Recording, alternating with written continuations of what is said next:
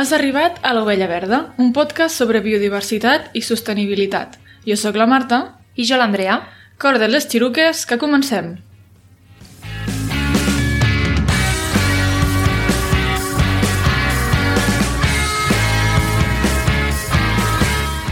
Aquest podcast pertany a la xarxa de podcast de ciència i medi ambient Podcastidae.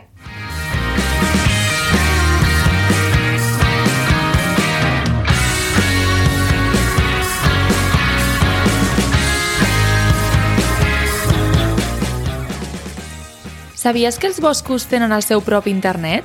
Que tot està connectat entre si per dins del sol que trepitgem quan hi passegem?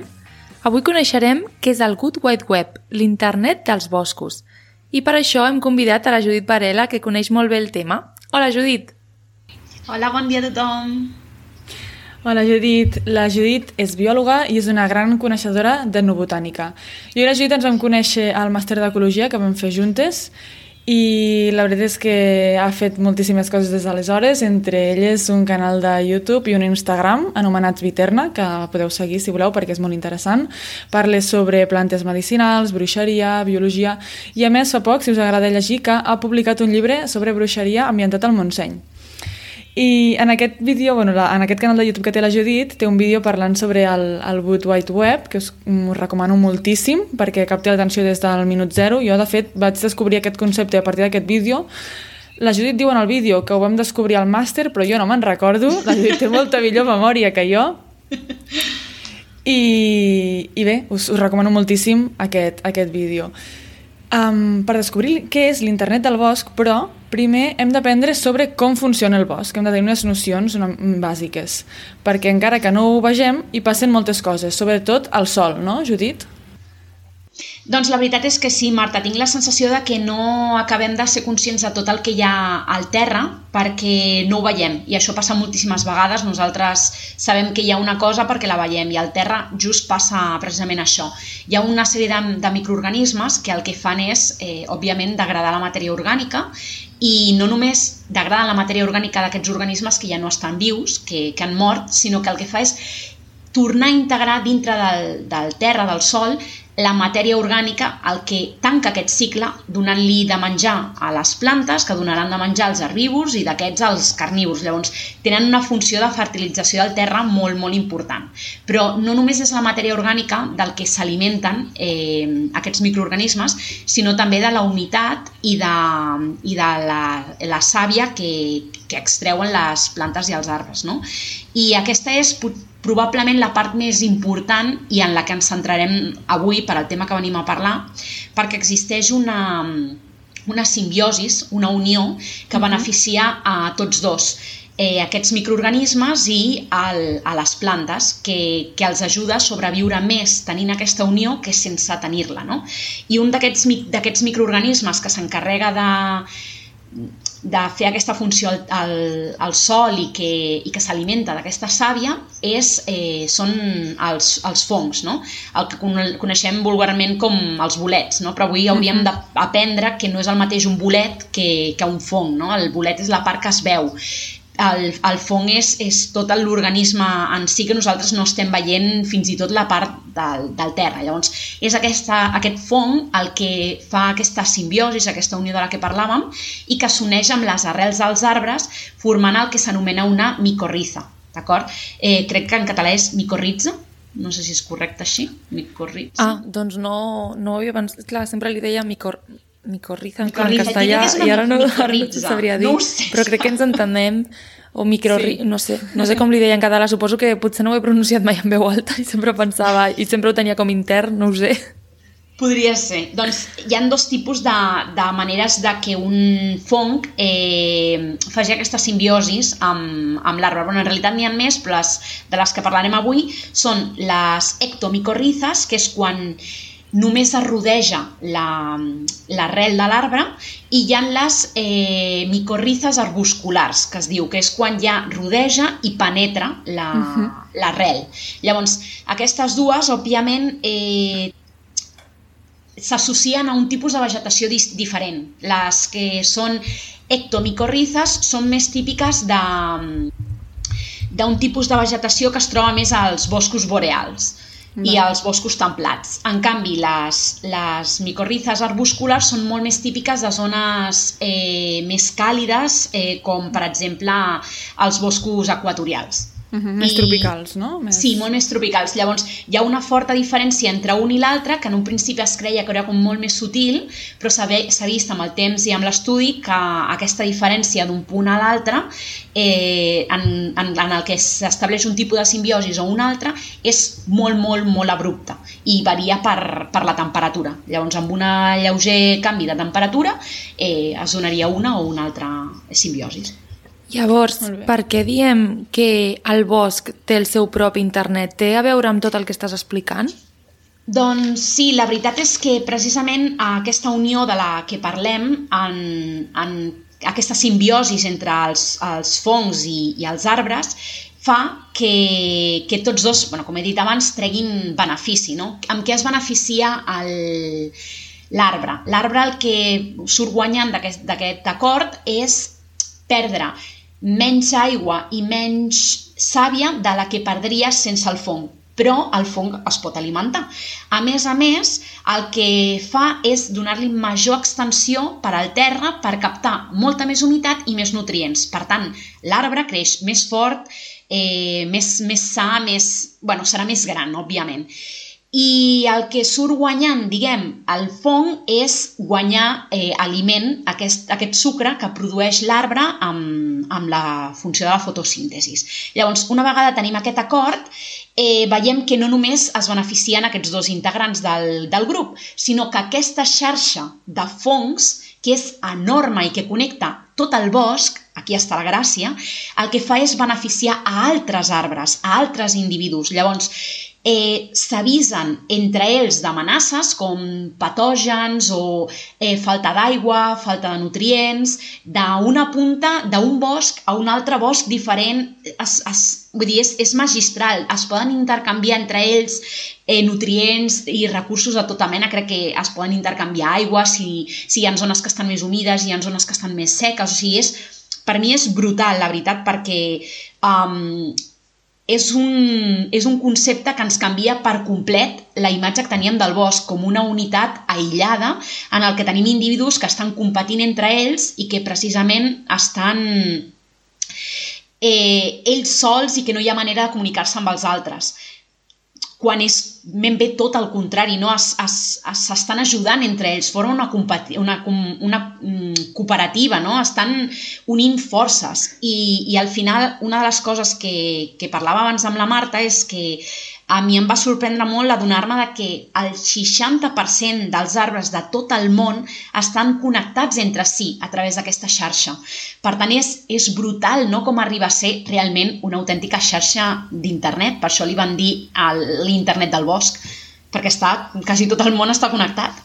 Sí, sí, realment és, és brutal el, el, o sigui, el, només el fet de pensar que els boscos no només dins del bosc hi ha interrelació entre els arbres i els diferents organismes que allà hi viuen, perquè al final, sí, aquesta xarxa que està en el sol, no?, interconnecta els arbres, els fongs, però és que després tots els microorganismes i tots els organismes que allà viuen també estan relacionats, com deies tu, amb el cicle dels nutrients, no?, també estan integrats i tot forma part d'un equilibri.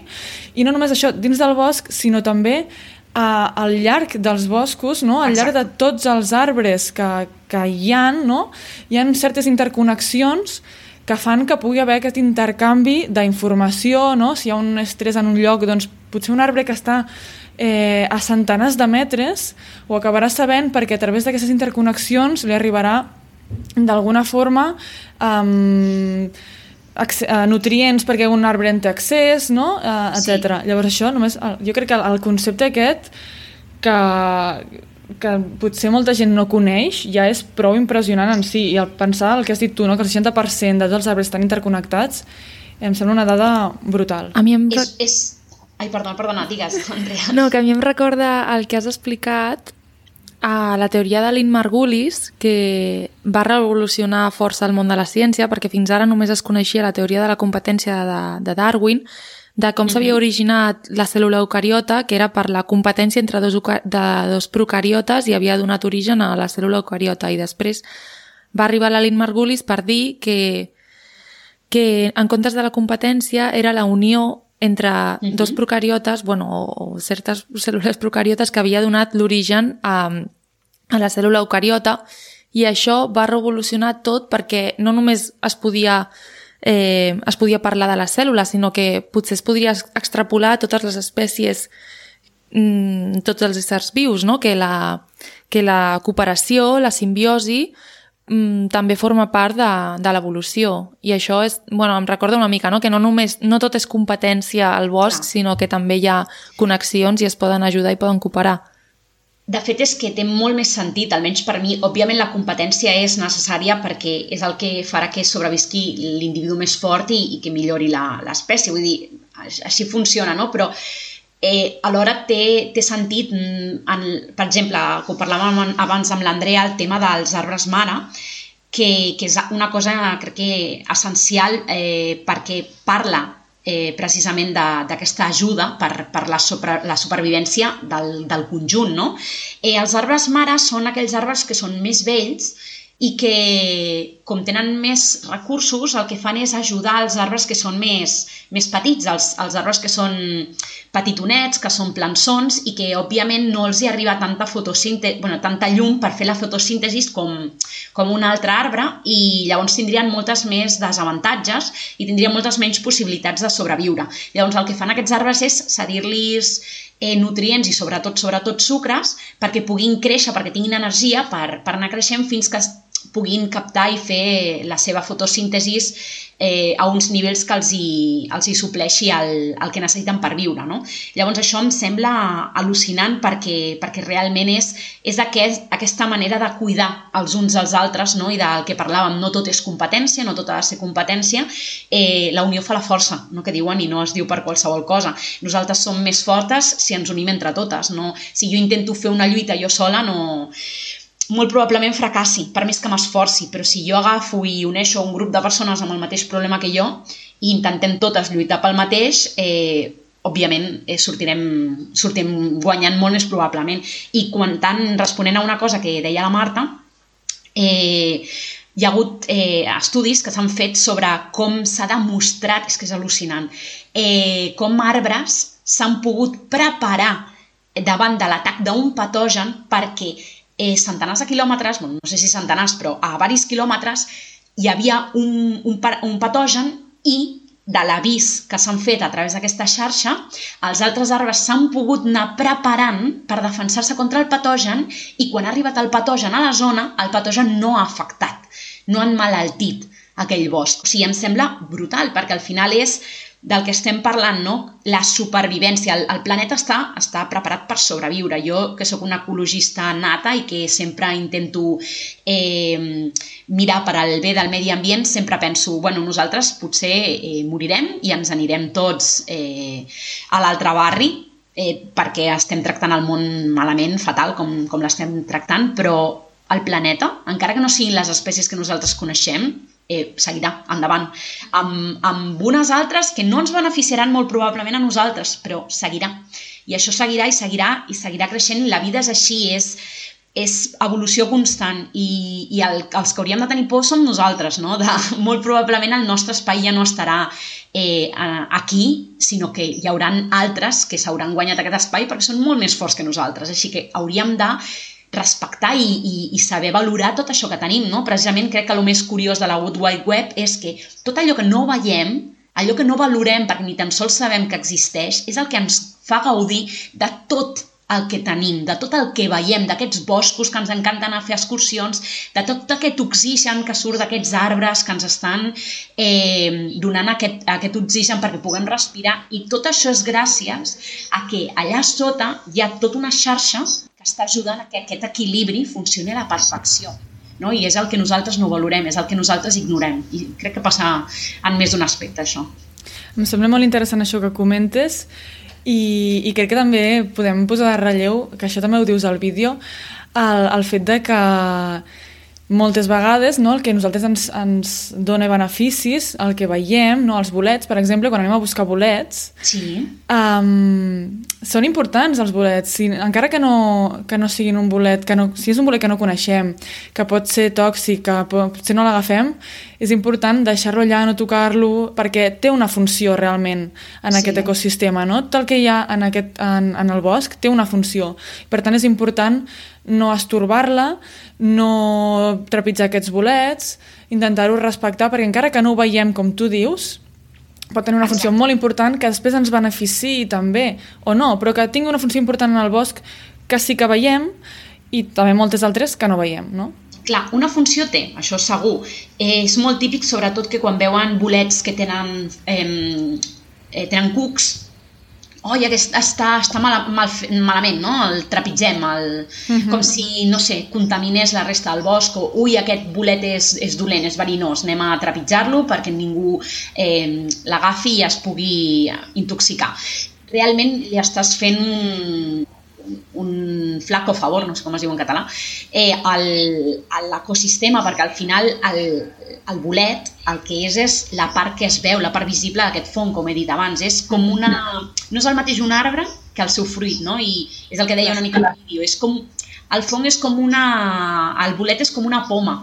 Dintre té eh, les llavors que ajudaran a disseminar, no? El, que ajudaran a que, a que creixin altres, altres arbres. Doncs el fong, el, el bolet, perdoneu, és el que ajuda a eh, disseminar les espores que permetran que es vagi reproduint el fong i que és, és el que, bueno, hem dit que és el responsable en aquest cas i el protagonista d'avui que, que ajuda tot aquest equilibri de tot aquest ecosistema. Vull dir, realment, si fixeu-vos, si arriba a ser important, que no només és que hi hagi major eh, supervivència dels arbres del bosc amb la presència del, del fong que és sense el fong, sinó que a més la captació de CO2, que és un tema molt important, sabem tots per al tema del canvi climàtic, eh, la captació de CO2 varia i depèn del, del tipus d'arbre del que estiguem parlant, d'acord? Hi ha arbres que en capten més, hi ha arbres que en capten menys. Doncs en si, si per exemple estem parlant d'una alzina, per posar un exemple, les alzines que estiguin micorritzades